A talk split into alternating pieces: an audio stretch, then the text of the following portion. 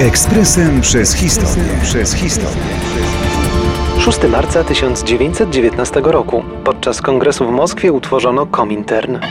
Komintern często nazywany jest także trzecią międzynarodówką. Na pierwszy rzut oka chodziło o kolejną organizację, która miała skupiać partie komunistyczne z różnych państw. Tym razem jednak to bolszewicy rozdawali wszystkie karty lub, co będzie chyba lepszym określeniem, grali kartami znaczonymi.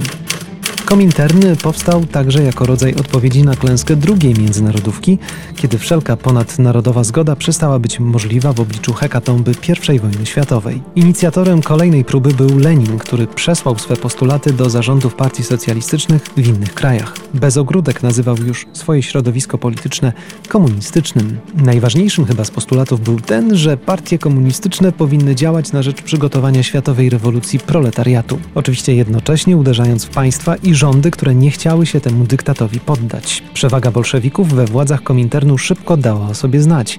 Kiedy Sowieci zaatakowali Polskę, drugi kongres trzeciej międzynarodówki skwapliwie poparł stronę radziecką. Zadanie proletariatu wszystkich krajów polega na tym, aby przeszkadzać rządom Anglii, Francji, Ameryki i Włoch w okazywaniu przez nie pomocy białej Polsce. Tam, gdzie rządy i sfery kapitalistyczne przed protestami robotników nie ustąpią, organizować należy strajki i stosować nawet gwałt. W miarę jak Stalin zaczął odgrywać coraz większą rolę, kurczyły się prerogatywy władz Kominternu. Dwóch jego przewodniczących, Zinowiewa i Bucharina, Stalin bez pardonu pozbawił stanowisk, no a potem także życia. Ostatni kongres Kominternu odbył się w roku 1935.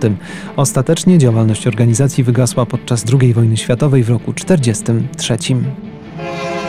Ekspresem przez historię. Przez historię.